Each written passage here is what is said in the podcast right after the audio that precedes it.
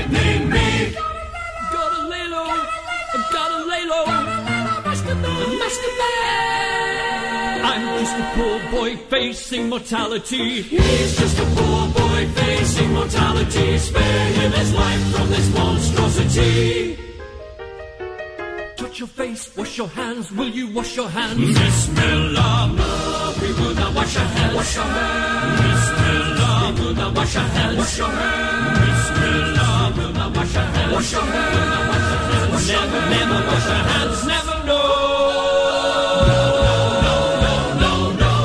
Mamma mia, mamma mia, mamma mia, wash your hands.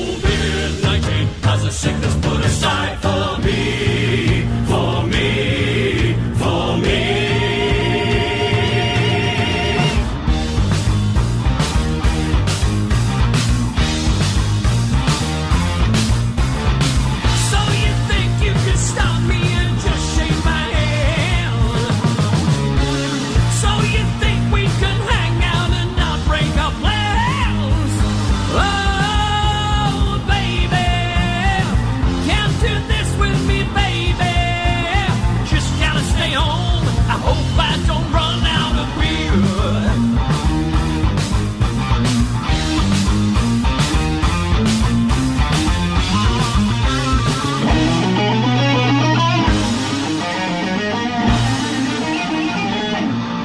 Zeg. Een parodie op Bohemian Rhapsody natuurlijk. Coronavirus Rhapsody. Weet ik veel? Professor emeritus Bob van Heij, dat is een medisch historicus en ook, u bent ook chirurg Inderdaad. geweest. Dus u, Vakgebied was de chirurgie. de chirurgie. Hm, Laten we beginnen bij het begin, beste Bob. Covid is een infectieziekte, Klopt. maar er zijn er meer. Wat is de definitie precies van een infectieziekte? Wel, een infectieziekte is een ziekte, is een aandoening dus, die de mensen, maar evengoed de dieren of zelfs planten, eh, kunnen eh, verkrijgen door het binnentreden van eh, kiemen, van pathogene kiemen, dus van ziekmakende kiemen. En eh, die veroorzaken een bepaalde ziekte. En die ziekte uit zich via symptomen en een bepaalde reeks van eh, afwijkingen die in het lichaam van dat dier of van die mens kunnen ontstaan. Die kiemen, dat vind ik een interessant woord, want hebben we het dan al over virussen en bacteriën en Ja, wat nog dus allemaal? een kiem is een beetje een verzamelwoord. Wordt ook wel eh, vaak een microbe genoemd. Ook dat is een vorm van een verzamelwoord. Eh, waarin men eigenlijk een aantal verschillende soorten kiemen onderscheidt. Er zijn inderdaad bacteriën. Er zijn virussen en men spreekt ook van parasieten. Dus er zijn wel meerdere types van microben, van kiemen. De oudst bekende is inderdaad de bacterie. De bacterie is eigenlijk al sedert de 16e eeuw bekend. Eh, men kon dat vermoeden van zodra men mogelijkheden had om in een microscoop te gaan kijken. Een Dat- bacterie kan je echt zien. die kan je zien. En in het begin van de 17e eeuw is inderdaad een microscoop uitgevonden en is door bijvoorbeeld eh, Van Leeuwenhoek, Antonie van Leeuwenhoek, eh, zijn kiemen gezien geworden. Bacteriën ja. gezien geworden. En Alleen hoe wist ziet men dat toen nog niet wat het was. Hoe ziet dat eruit? Zie je die dan echt bewegen? Zijn Een dat- bacterie is een, eh, is een eencellig levend wezen. En op dat, dat is wel belangrijk, want dat zijn waarschijnlijk onze oudste levende wezensvormen. Dat wil zeggen Op dat deze toen de- planeet, wilt u Op deze planeet, wanneer de aarde ontstaan is, zo'n 13 miljard jaar geleden, heeft men voor het eerst zeg maar eencellige wezens zien zich ontwikkelen, rond 4 miljard jaar geleden. En die eencellige wezens, daar waren dus ook bacteriën bij, want dat zijn precies eencellige wezens. Die hebben zich op verschillende manieren ontwikkeld. Die zijn tot eh, latere planten eh, meercellig zich gaan ontwikkelen, die zijn zich tot dieren gaan ontwikkelen en tot de mens. Dus eigenlijk is het een zeer oeroude vorm van een levend wezen. Dus de mens is een opeenstapeling van bacteriën, zegt u. Eh, dat zou ik niet zo durven te zeggen, maar het is wel zo dat dus die eencellige wezens zich progressief ontwikkeld hebben tot meercellige wezens en dat daaruit dan planten, dieren en de mens zijn voortgekomen. Dus wij zijn afkomstig van een bacterie. Van een eencellig wezen waarvan ook bacteriën een soort is. En eh, die bacteriën bestaan dus na al die miljard jaren nog steeds. En hebben eigenlijk de mensheid, die zich dan na x aantal jaren ontwikkeld heeft, belaagd. Eh, op verschillende manieren, maar voornamelijk door het feit dat wij met z'n allen, of met een aantal mensen, bij elkaar zijn gaan wonen. Van zodra er een, wat ik noem een verstedelijking is opgetreden, heeft men natuurlijk de kiemen gelegd, letterlijk nu, om kiemen te krijgen. Dat wil zeggen om de overgang van die bacteriën naar de mens mogelijk te maken. Niet alleen van dier op mens, maar ook van mens op mens, ook van dier op dier en zo verder. Dus die overdracht van die eencellige bacteriën is eigenlijk een, evolu een evolutie gegeven. Hè. Ja. Wat zijn de belangrijkste bacteriële ziekten dan? Ook er zijn een heel aantal ziekten van bacteriën bekend. Eigenlijk al van voordat men bacteriën ook als zodanig heeft herkend, kende men de ziekten die zij veroorzaken. Ik denk dat bijvoorbeeld tuberculose was een hele oude ziekte die in de oudheid al voorkwam. Poliomyelitis kwam al in de oudheid voor. Uh, dat is nu trouwens een virus, hè? dat is geen bacterie. Maar er zijn vrijwel alle bacteriële ziekten hebben zich door de eeuwen heen ontwikkeld en hebben dus de mensheid op verschillende ogenblikken belaagd. Mm En dat kan zijn individueel. Men kan een bepaalde individuele infectieziekte krijgen. Iemand krijgt mazelen, iemand anders krijgt, uh, krijgt uh, een stafylokokkeninfectie. Ik zeg maar wat. Ja, maar wat u nu zegt, iemand krijgt dat. Ja. Ja, dat komt toch van ergens? Wel, dat komt van Dus ergens omdat die bacteriën, manier, ja. eh, en hetzelfde geldt trouwens voor virussen, zich eh, enten op diersoorten en daar bij voorkomen. Eh, het is typisch bekend dat verschillende soorten bacteriën die kunnen op zichzelf voorkomen, maar kunnen zich ook bij mensen gedragen en overgedragen worden. Dus ze komen van ergens, ja, ze zijn er altijd geweest. Dus ze zijn voortgedragen geworden van het ene dier of ene mens op de andere door al die eeuwen en eeuwen heen.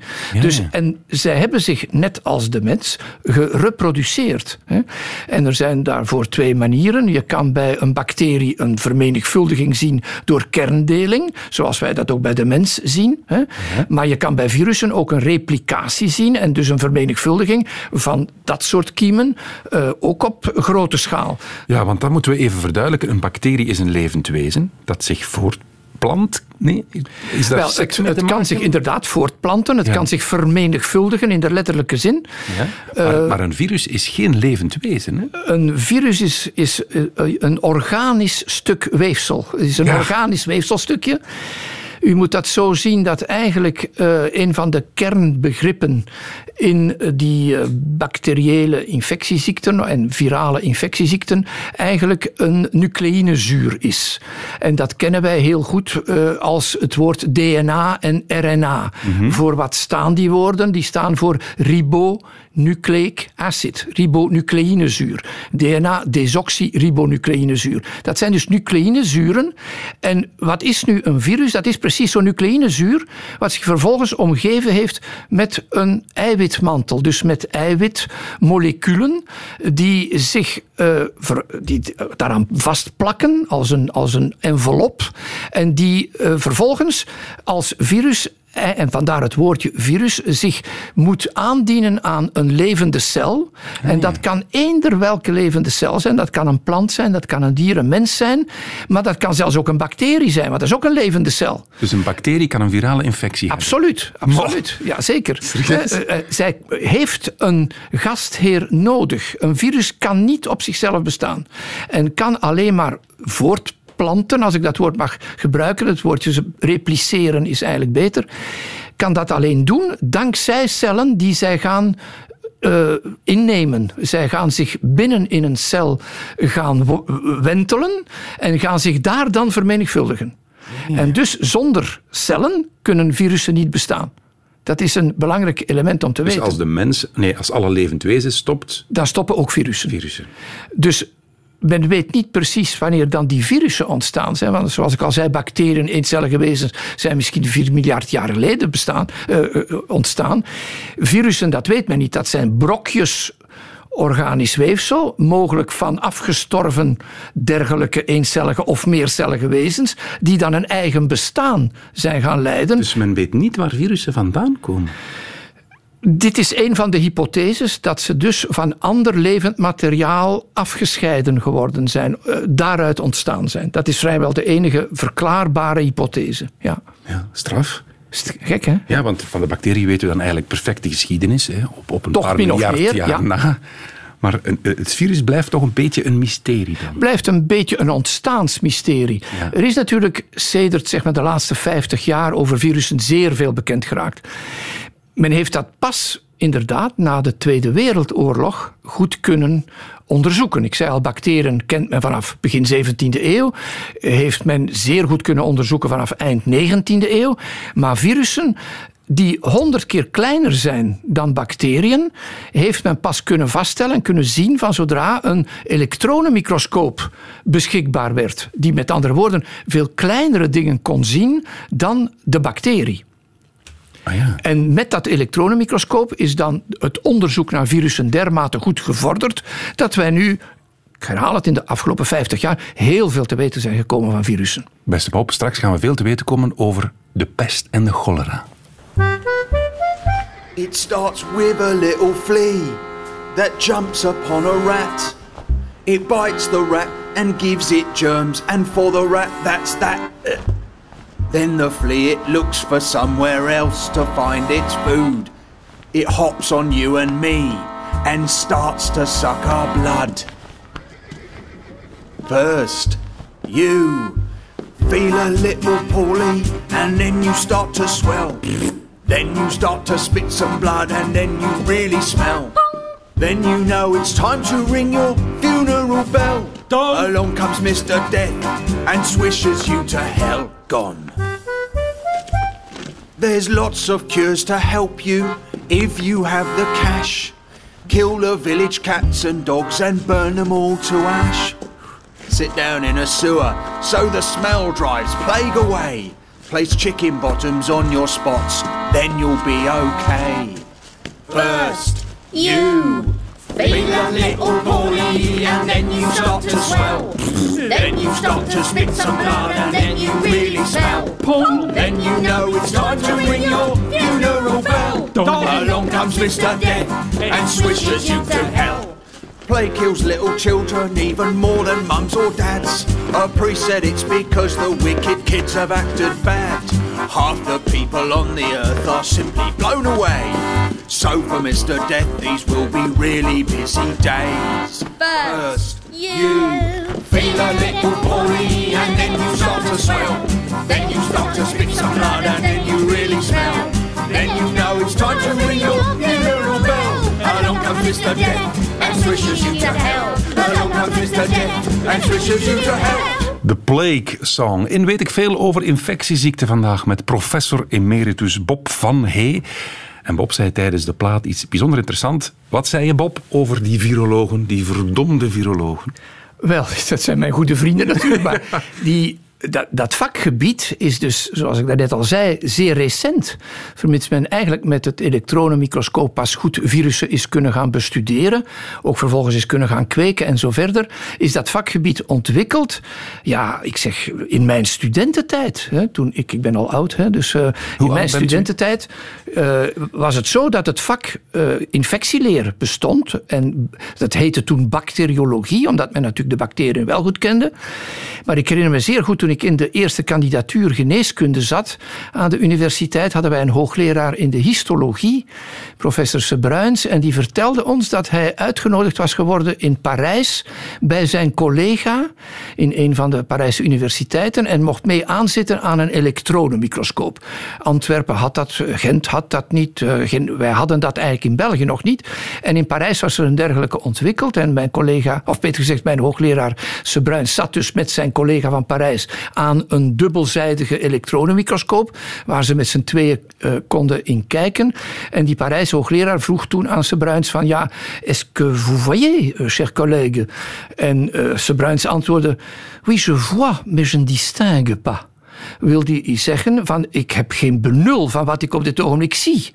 Uh, dus virussen waren op dat ogenblik compleet onbekend. Men heeft dat pas in die periode, dan spreek ik van de jaren 60, heeft men dat leren kennen en heb, hebben zich dat zien ontwikkelen.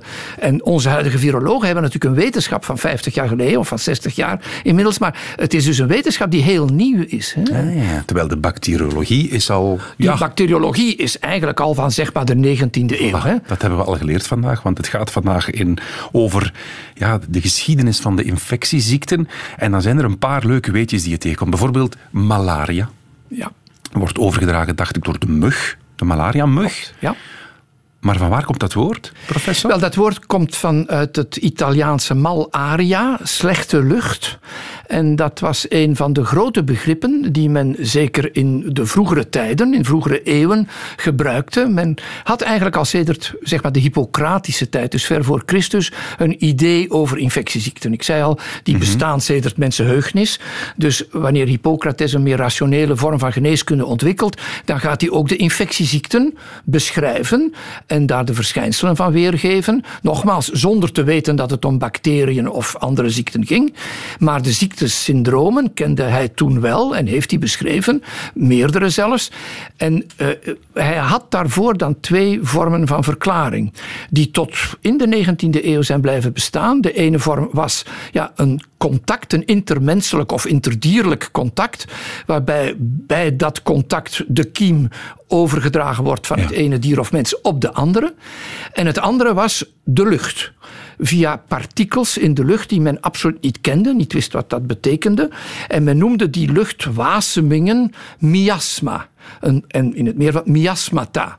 En die miasmen, ja, die hebben dus ook de mensen op dezelfde manier belaagd, zoals wij nu met griep of met corona nog altijd doen. Elkaar uh, kunnen besmetten via weten, de lucht. Precies, wij weten nu natuurlijk dat dat gaat om die virussen die overgedragen worden, kunnen ook kiemen zijn, uh, dus bacteriën die overgedragen worden via de lucht. Maar toen wist men dat niet, vermits men die diertjes niet kende.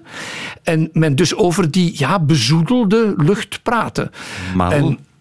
Eh, op die manier heeft men geprobeerd eigenlijk zich een idee te vormen van wat voor ja, eh, partikels waren dat dan in de lucht. En daar zijn allerlei hypotheses uh, voor naar voren gekomen.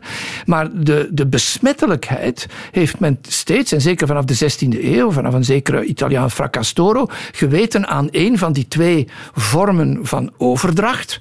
Het zij die contagio, contagion, die besmettelijkheid door zeg maar, uh, ja, een, een bepaald contact onder de mensen. En die miasmata, dus die, die luchtpartikels die ergens vliegen -hmm. en die men uiteindelijk natuurlijk nu wel degelijk als bacteriën of virussen heeft kunnen aanmerken. Dus malaria is, is eigenlijk een, een, een woord gecreëerd, malair, mal slechte lucht, malaria. Ja, ja, maar zo is dat woord ontstaan. En dat is een ziektesyndroom dat men natuurlijk ook al heel lang kent, maar waarvan men nu inderdaad weet waardoor het veroorzaakt wordt en wat men er eventueel ook kan aan doen. Goed, um, ja. Infectieziekten.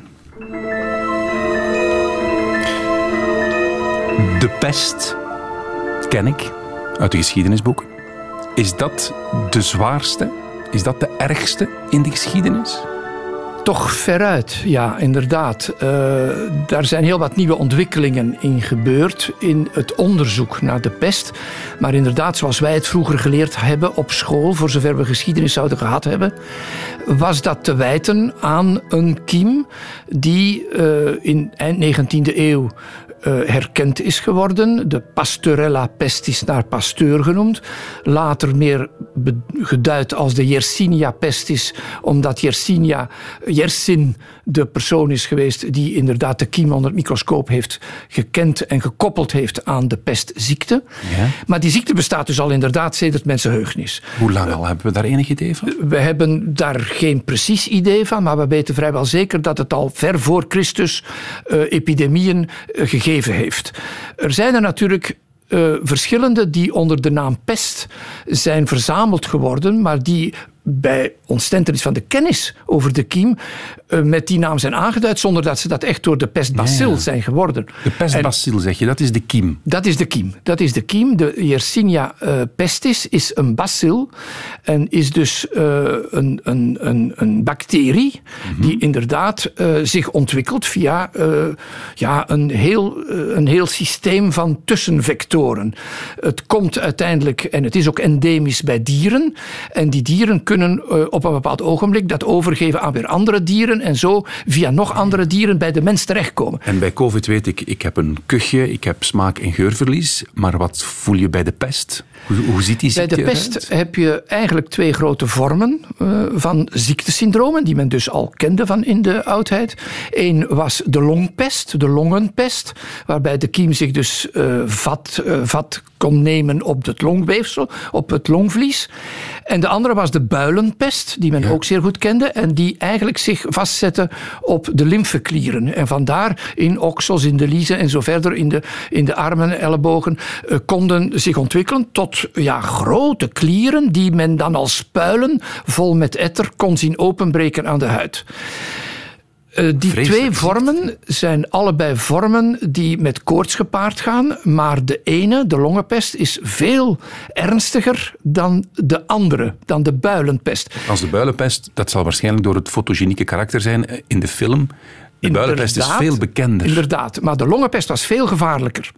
Ik zeg altijd het verhaaltje erbij van eh, Boccaccio, hè, die in zijn Decamerone schrijft van ochtends eh, eet u met uw vrouw en s'avonds eet u bij de Heer. Om aan te duiden dat dat zo fataal op hele korte termijn kon gaan, meestal wel niet op één dag, maar toch op een paar dagen, dat men daaraan overleed. De reden is dat die longenpest zich ook veel sneller kon zetten over het gehele lichaam en dus tot wat wij noemen een sepsis, een veralgemeende eh, ja, infectie van het hele lichaam, inclusief het bloed, eh, kon aanleiding geven. Dat was bij de builenpest, die zich in het lymfesysteem en in de lymfeklieren ontwikkelde, veel minder het geval. Daar ging dat dus trager en had je ook meer tijd om het eventueel te behandelen. Ik lees een halvering van de populatie. Klopt. Klopt. Waanzin. Wel, grotendeels zijn er populaties inderdaad dermate gedecimeerd geworden, delen door tien, dat ze zelfs gehalveerd zijn geworden. En een van de grootste pesten die wij, laat ik zeggen, als eh, ja, huidige generatie gekend hebben, is de pest van de 14e eeuw. Die fameuze waanzinnige eeuw van Barbara Tuchman. Hè. Maar wat nieuw onderzoek heeft eh, aangetoond, dat is dat de pest eigenlijk een grote pandemie al heeft gegeven in de 6e eeuw na Christus. Met name de zogenaamde Justiniaanse pest, genoemd naar de keizer van het toenmalige Oost-Romeinse Rijk, Justinianus, die in Istanbul, in, in Constantinopel, eh, aanwezig was. En over hoeveel doden spreken we dan? Want wat was de wereldbevolking of de lokale Wel, men bevolking? schat op- dat toen ongeveer een, een klein half miljoen mensen de, eh, Europees, het Europese continent bevolkten. En dat daar dus ongeveer de helft is van overgebleven. Na een tiental, vijftiental jaar. Dus dat is inderdaad een halvering van de bevolking geweest. Soms was dat meer. Neem Istanbul zelf. eh, dus waar de keizer dan verbleef. Daar is een, een, vijf keer zoveel. Dus daar is maar 20% van de bevolking overgebleven. En is 80% overleden. Gelukkig heeft de keizer het overleefd, maar 80%. Andere steden konden dan misschien 30 of 40% zijn. Dat wisselde een beetje van de ene stad tot de andere, wanneer de pest die stad bereikte. hè. Die bestaat nog altijd, de pest. De pest bestaat nog altijd. Die heeft dus epidemieën gekend, niet alleen van die 6e en die 14e eeuw, maar ook nadien zijn er pestopstoten geweest die soms hele eh, razzia's in steden hebben veroorzaakt. Denk aan Londen, 1666, enorme epidemie van pest. Denk aan Marseille, 1720, enorme pest. Maar ook later nog zijn er ja, kleinere uitbraken en opstoten geweest van, Van, pest. vandaag in Madagaskar. En inderdaad, er is nog steeds een, eh, een endemische haard van pestbacillen in Madagaskar. Trouwens, in 2017 heeft er zich in Madagaskar nog een epidemie van de pest voorgedaan. Daar is niet over geschreven. Dat waren maar enkele duizenden slachtoffers. Maar er zijn toch een paar honderd doden aan de pest geweest. Nog maar enkele jaren geleden in Madagaskar. En als wij op dat moment in Madagaskar op vakantie gaan en wij kunnen die pestbacil, wij brengen die mee, zou dat nog voor een epidemie kunnen zorgen Nee, hier in, in, dat in Europa? waarschijnlijk Nee. niet. En de reden is omdat men bacteriële... Het is een bacterie. Bacteriële ziekten, daar heeft men eigenlijk zeg maar, vanaf de Tweede Wereldoorlog goede medicijnen tegen gevonden. Antibiotica. De antibiotica. En net zoals tegen andere bacteriën, bacillen of kokken, heeft men ook voor de pestbacil nu antibiotica die daar zeer goed tegen reageren en die kunnen vernietigen. Dus stel dat er zo iemand eh, zou aangetast zijn en die komt naar ons met het vliegtuig, dan zou die heel snel gedetecteerd zijn en behandeld worden en dat dus niet verder kunnen dragen. Want hij heeft zijn PLF ingevuld, dus dan weten we dat. Hè. Zo is het. Zo is dat, hè, Bob. Ja. Happy. Dit nummer komt uit Liberia. Shadow heet de man. En het nummer heet Ebola in Town. Het gaat over ebola.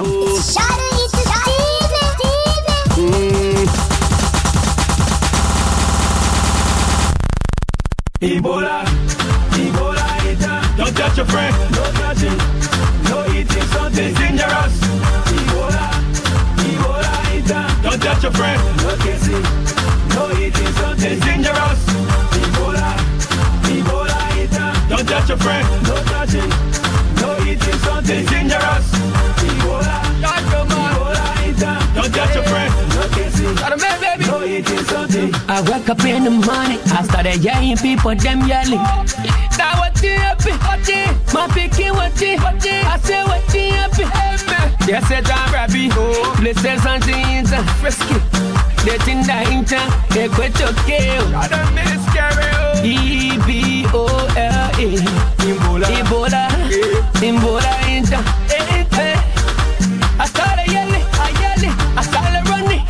I. What play I will go. Hey, I go to Guinea. I win everywhere. Ebola, Ebola. I'm not going anywhere. I'm right here. I'm not going nowhere. Oh, I'm right here. I know the medicine. eh. That this stay hockey, this stay, I said this stay shaky, this stay shaky, this stay kissing. Hey, don't touch me. Hey. Ebola, Ebola. Don't touch your friend. Don't touch it. No eating something dangerous. Ebola, Ebola. Don't your friend. No kissing. No eating something dangerous. Ebola, Ebola. Don't your friend. No. No eating something dangerous. Nummer gemaakt om eh, geld in te zamelen voor de slachtoffers van ebola. Liberiaanse artiest Shadow met ebola in town. En weet ik veel over infectieziekten. Langzaam naar Antwerpen op de E17 vanaf Kruibeke en op de Antwerpse ring richting Nederland tussen Sint-Anna-Linkroever en Antwerpen-West. Sinds de ebola-crisis uitbrak in het noordoosten van Congo proberen de Congolese gezondheidswerkers met internationale steun de honderdduizenden Congolezen in de regio bewust te maken van het gevaar. Several factors may be coming together over the next weeks to months to create a potential perfect storm. Deze tiende ebola-crisis in Congo sinds 1976 heeft tot nu toe 100 doden gemaakt. Weet ik veel? Bij mij in de studio professor emeritus Bob van Hey, medisch historicus en ook ja, chirurg. Lang geweest, maar nu op rust, mag ik dat zo zeggen? Zo zeker, absoluut, ja. We hebben al heel veel bijgeleerd, beste Bob. Laat ons nog heel even over ebola praten. Je zei, ik ben daar geen expert in, want dat is dan weer een vir- virale infectie, denk ik. Maar, en dan blijkbaar zeker in een regio waar weinig medische hulp is, een, een zeer dodelijke ziekte. Ja, En het is zeer een afschuwelijke ziekte. ook, ja. Het is, als je zegt, een eh, virusziekte. Hè? Dus het is een eh, virus wat eh, inderdaad eh, het lichaam binnentreedt en de mens infecteert op een afschuwelijke wijze. Eh, met name ontstaan er bloedingen door eh, ebola. Eh, dat wil zeggen bloedingen in de maag-darmtractus, in het maag-darmstelsel, met eh, diarree, met bloedbraken, met eh, bloederige ontlasting. Het geeft ook eh, bloedingen in de huid, met grote blaren gevuld met bloed. Het is een afschuwelijke ziekte die zeer dodelijk is, zeer Wat is de besmettelijk. mortaliteit van zo? Van, van, Zeg je? Wat is de mortaliteit? Ja, ik denk dat ze onbehandeld bijna 100% is. Gelukkig kunnen we die behandelen, maar ze is zo besmettelijk. U hebt allemaal een beetje kunnen meemaken dat wanneer die patiënten eigenlijk benaderd moeten worden, dat men zich net als met COVID nu eigenlijk in geweldige pakken moet eh, gaan dragen om zich niet te besmetten. Eh, grote mortaliteit eh, en het blijft hem gelukkig een beetje endemisch. We hebben grote opstoten gehad in West-Afrika, in de verschillende landen van West-Afrika. Nu zit het voornamelijk in Noordoost-Congo, inderdaad. En daar zien we toch nog regelmatig wat uitbraken optreden. Zeker in dat rebellengebied, hè, waar strijd geleverd wordt. En waar ook de medici en de verpleegkundigen moeilijk zich kunnen eh, gedijen, bij wijze van spreken. Dus eh, ja, het is eigenlijk een ziekte waar we, die, die we beter niet importeren, maar die we, eh, het heet met het Engelse mooie woord containen, die we kunnen Ja. tot stand houden en niet zien uitbreiden, Ja. omdat we die dorpen waarin zich dat virus bevindt, kunnen afzonderen van de rest van de wereld. Dat is eigenlijk een beetje de behandeling die we toepassen. We proberen die mensen af te zonderen. Dat is een, Want dus ebola is niet uitgegroeid. Dat, dat zeker niet ergens. Dat sluimert ergens. Wat als, er, als dat ja, op de groenplaats in Antwerpen zich op een of andere manier komt te bevinden? Is ja, dat dan een COVID-scenario? dat zou Ja. een groot probleem zijn. Ja, dat, zou echt een groot dat zou een probleem zijn. Wij kunnen daar dus nu wel behandelingen voor instellen, eh, maar die zijn vaak meer symptomatisch. Eh, er zullen nog altijd overlijdens zijn, dat is wel degelijk zeker. Maar moest er een COVID-scenario met ebola gebeuren, dan zouden we misschien wel heel snel een vaccin hebben. Of... Dat klopt. En ik denk dat dat eh, een, een vorm van behandeling zal zijn zoals we voor andere virale ziekten zullen hebben, die zeer, zeer afdoende zal zijn. Ja. Plaats COVID, dan is in de top zoveel van, van infectieziekten. Eigenlijk is dat een braaf beestje God, als ik hoor over de pest en over ja, ebola. ik denk dat we dat allemaal in, in perspectief moeten plaatsen. Wij zijn natuurlijk niet meer gewend dat er pandemieën zich voordoen. Eh, wij spreken over epidemieën. Hè. De, overigens, corona heeft een epidemie veroorzaakt enkele jaren geleden in, eh, in eh, China. Dat heette toen SARS. Severe Acute Respiratory Syndrome. Het is exact hetzelfde soort van virus wat de epidemie in China van enkele jaren geleden heeft veroorzaakt, als degene die we nu kennen. Eh, alleen heeft ze zich nu pijlsnel eigenlijk over de hele wereld eigenlijk verspreid. En ja, heeft daar dus voor op dit ogenblik toch al meer dan 5,5 miljoen doden in veroorzaakt. Dus we spreken echt over een pandemie met een belangrijke eh, mortaliteit. Alleen nogmaals, als je ze vergelijkt. Ik, ik wil ze zeker niet minimaliseren, zeker niet. Maar als je ze vergelijkt met vorige eh, epidemieën en pandemieën in het verleden, neem die pestepidemieën, neem zelfs die Spaanse griep, dan hebben we het nu, ja, in België hebben we helaas 28.000 doden te betreuren. Maar dat is natuurlijk niet de helft van de bevolking, zoals we dus jaren geleden eh, met een, met een eh, pandemie zouden gehad hebben van pest. Ik zeg maar wat. Hè? Ja. Of zelfs niet met het heel grote aantal doden bij de Spaanse griep. We, we zitten hier toch nog altijd met ten eerste een veel grotere kennis over virussen. Ten tweede een zeer snelle aangemaakte vaccin. Die dus de bevolking heeft beschermd tegen een verdere uitbraak en, en dodelijke afloop van die ziekte. Zet even je koptelefoon op Bob als je wil, want ik wil je iets laten horen. Omdat je nu zegt, oh, die Spaanse griep. Dit is het verhaal van de Spaanse griep. Het begint allemaal in het militaire kamp van Funston in Kansas. Hier worden 30.000 mannen opgeleid om ten oorlog te trekken. Weet ik veel? Op 4 maart ontbreekt eerst een kok op het appel. Dan een korporaal en een sergeant. Tegen de middag moet al een honderdtal soldaten verstek laten gaan.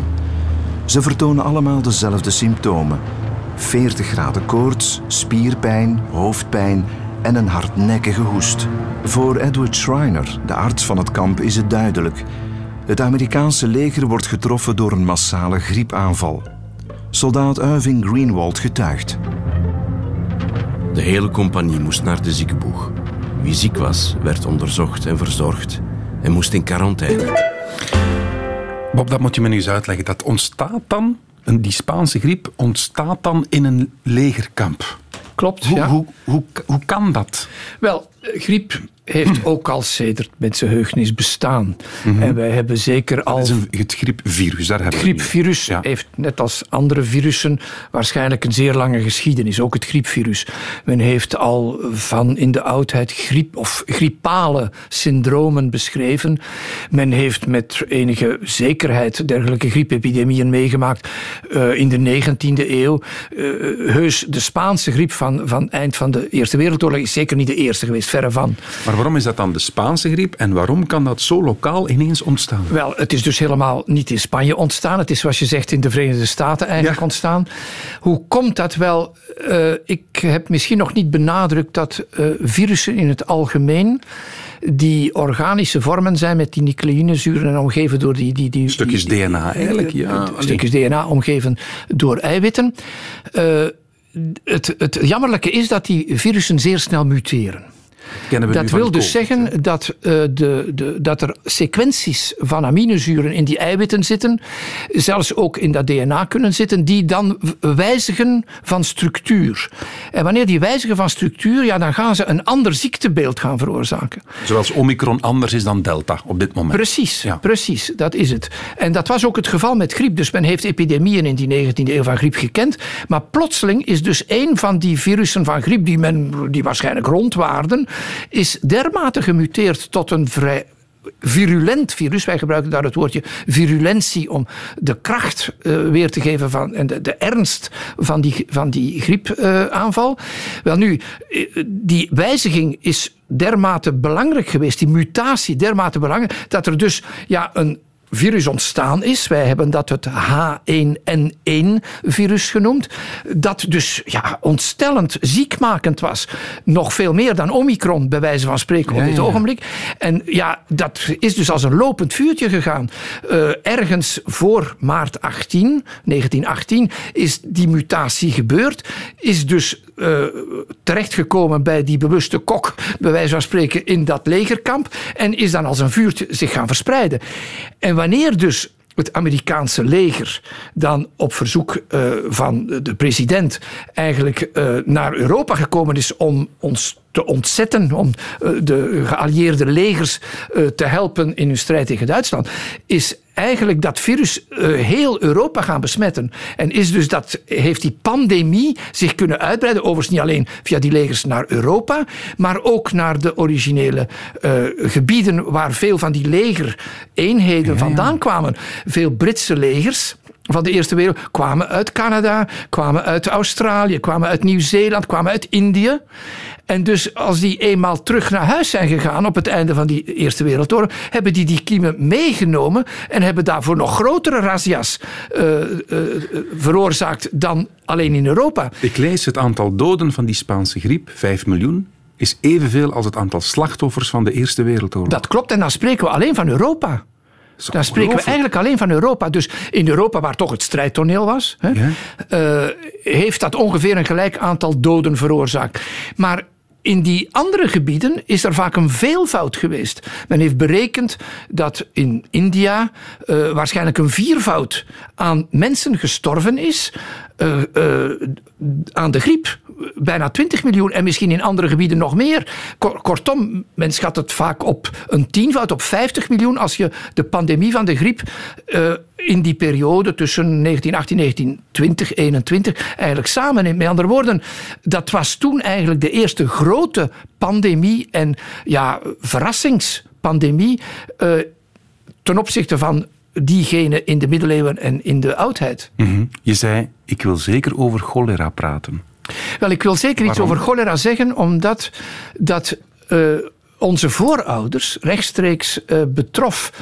Uh, de grootste epidemieën van cholera hebben zich in de 19e eeuw afgespeeld. Dat wil zeggen bij onze grootouders en bij overgrootouders. Eigenlijk zijn de grote epidemieën van cholera uh, ook in België aanwezig geweest. Wij hebben in België ongeveer een vijftal epidemieën van cholera gehad. Kiem is uh, afkomstig uit India waarschijnlijk, maar dat doet er nu even niet toe. Maar heeft dus toegeslagen in België uh, grosso modo om de 20 jaar. Er is een epidemie gestart. De eerste spreekt men de eerste golf van 1830, dus bij het ontstaan van België. Maar in 1850, in 1870, in 1890, om de 20 jaar is een epidemie uh, voorgekomen en heeft ook in België een aantal ja, ik zou zeggen, maatregelen uh, doen uitvaardigen. Hygiëne dan? Of, of... En die hadden te maken met hygiëne, inderdaad. Bij cholera is de vector, als ik het zo mag noemen, is water. De kiem die zich bij de mens bevindt, komt via de ontlasting, diarree, hè, mm -hmm. uh, terecht in water, dat toen helemaal, voorste uh, periode van de 19e eeuw, niet zuiver was. Wat eigenlijk een, een mengsel was van drinkwater en van ontlastingswater en urine, et cetera kwam terug in de keten van de voeding terecht. En dus werd met de voeding mee terug ingenomen, die kiem. Gevolg, een ander persoon kreeg ook de ziekte, ging diarree en waterige diarree krijgen, die dan weer niet in echte goede rioleringen terecht kwam, ja. maar dus ook weer anderen ging besmetten. Dus vandaar die herhaalde opstoten, tot men eigenlijk inderdaad vanaf midden van de 19e eeuw vastgesteld heeft dat inderdaad een oplossing bestond in het scheiden van zuiver drinkwater ten opzichte van het rioolwater. Ja, en van zodra men aparte buizen is gaan aanleggen voor het drinkwaterbevoorrading en voor de afvoer van afval en van uh, afvalwater. Was de ziekte gewoon was de ziekte, is de ziekte uitgestorven. Tenminste, langzaam aan. Hè. Uh, maar inderdaad, vanuit Engeland, en zeker meer Chadwick, zijn er verordeningen gekomen waarbij uh, de steden werden aangezet om hun uh, rioleringssysteem en hun drinkwaterbevoorrading van elkaar te scheiden. Dat is een van de redenen, u kent hem allemaal. Uh, heeft in het midden van de, laat ik zeggen 1860, 1870, de grote boulevards in Parijs aangelegd. Niet om daar de metro te leggen of een mooie, een, mooie shops daar te, te kunnen hebben, maar om de rioleringen aan te leggen. En dat is vervolgens ook gedaan geworden in Londen, in Parijs, in Antwerpen en zo verder. Dus het, de, het hele hygiënesysteem van de riolen en het afvalwater hebben wij eigenlijk te danken aan de cholera. Te danken, ja, zijn een gevolg geweest van die cholera-epidemie. Dus de layout van de stad Parijs met de brede lanen. Maar ook Antwerpen. Ook Antwerpen. Ook Antwerpen. Uh, de, eerste, de, de, eerste waterwerken, 1891, in aansluiting met de vijfde golf. Uh, de eerste afvalophaling, 1904. Dankzij het herkennen, dan zijn onze, onze vuilniswagens gestart. Hè? Omdat men vaststelde dat dat anders op de straat bleef liggen en daar zich mengde met, met, met ja, de rest van het afval. Straf, dat doet me denken aan dit muziekstukje.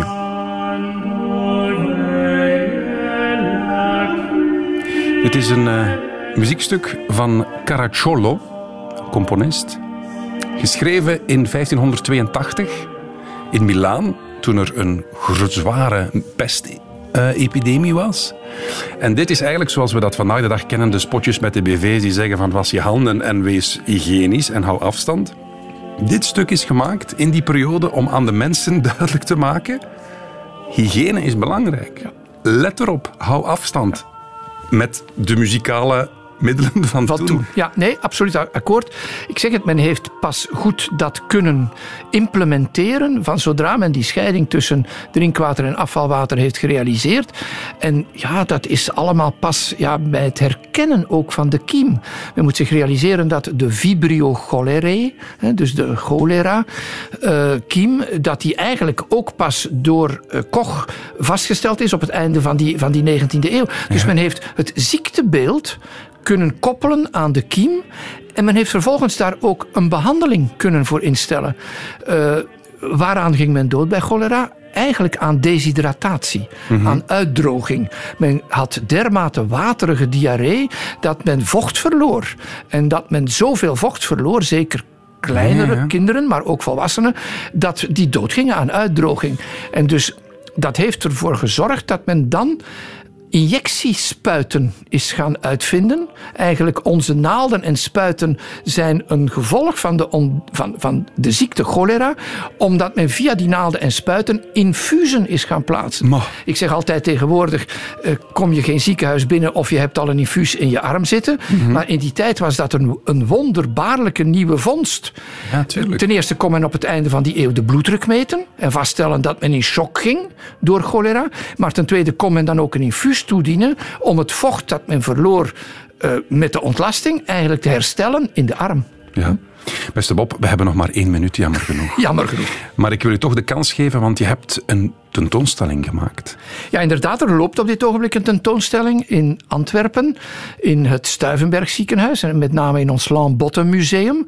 En die tentoonstelling is gewijd precies aan infectieziekten. Ja in het verleden en in het heden en misschien zelfs in de toekomst. Ja. Want er zijn ook ziekten bij die uh, klimaatgebonden zijn en in de toekomst. Dus die opwarming meer... van die aarde heeft ook weer een invloed op. Zo is dat. Ja. Uh, en die tentoonstelling die loopt uh, nog steeds tot zeker in het najaar. In het Stuivenberg ziekenhuis. We hebben nog 40 seconden. Kijk eens in die glazen bol. Komt er nog ooit een veel grotere pandemie dan die we kennen vandaag? Een grotere, dat weet ik niet. Maar dat nog pandemieën Dodelijker... zullen optreden, daar ben ik zeker van. Ja. Dat, is, uh, dat is nu eenmaal de aard van de mensheid. Uh, wij, wij zijn met hoe langer hoe meer volk. Mhm. Mm -hmm. Dus wij zullen zeker een transmissie van bacteriën en kiemen nog zien gebeuren. Beste Bob, dat is niet echt een vrolijke boodschap om je af te ronden, maar ik ga je toch heel hard bedanken voor dit bijzonder interessant uur. Graag weet gedaan. ik veel, professor emeritus Bob van Hey. Bedankt voor het luisteren, beste luisteraar. En volgende week in Weet ik Veel gaat het weer over iets helemaal anders. Radio 1. Weet ik veel? Dit is het einde van deze podcast van Weet ik Veel. Weet ik Veel is trouwens een programma van Radio 1. Op radio1.be vindt u nog veel meer.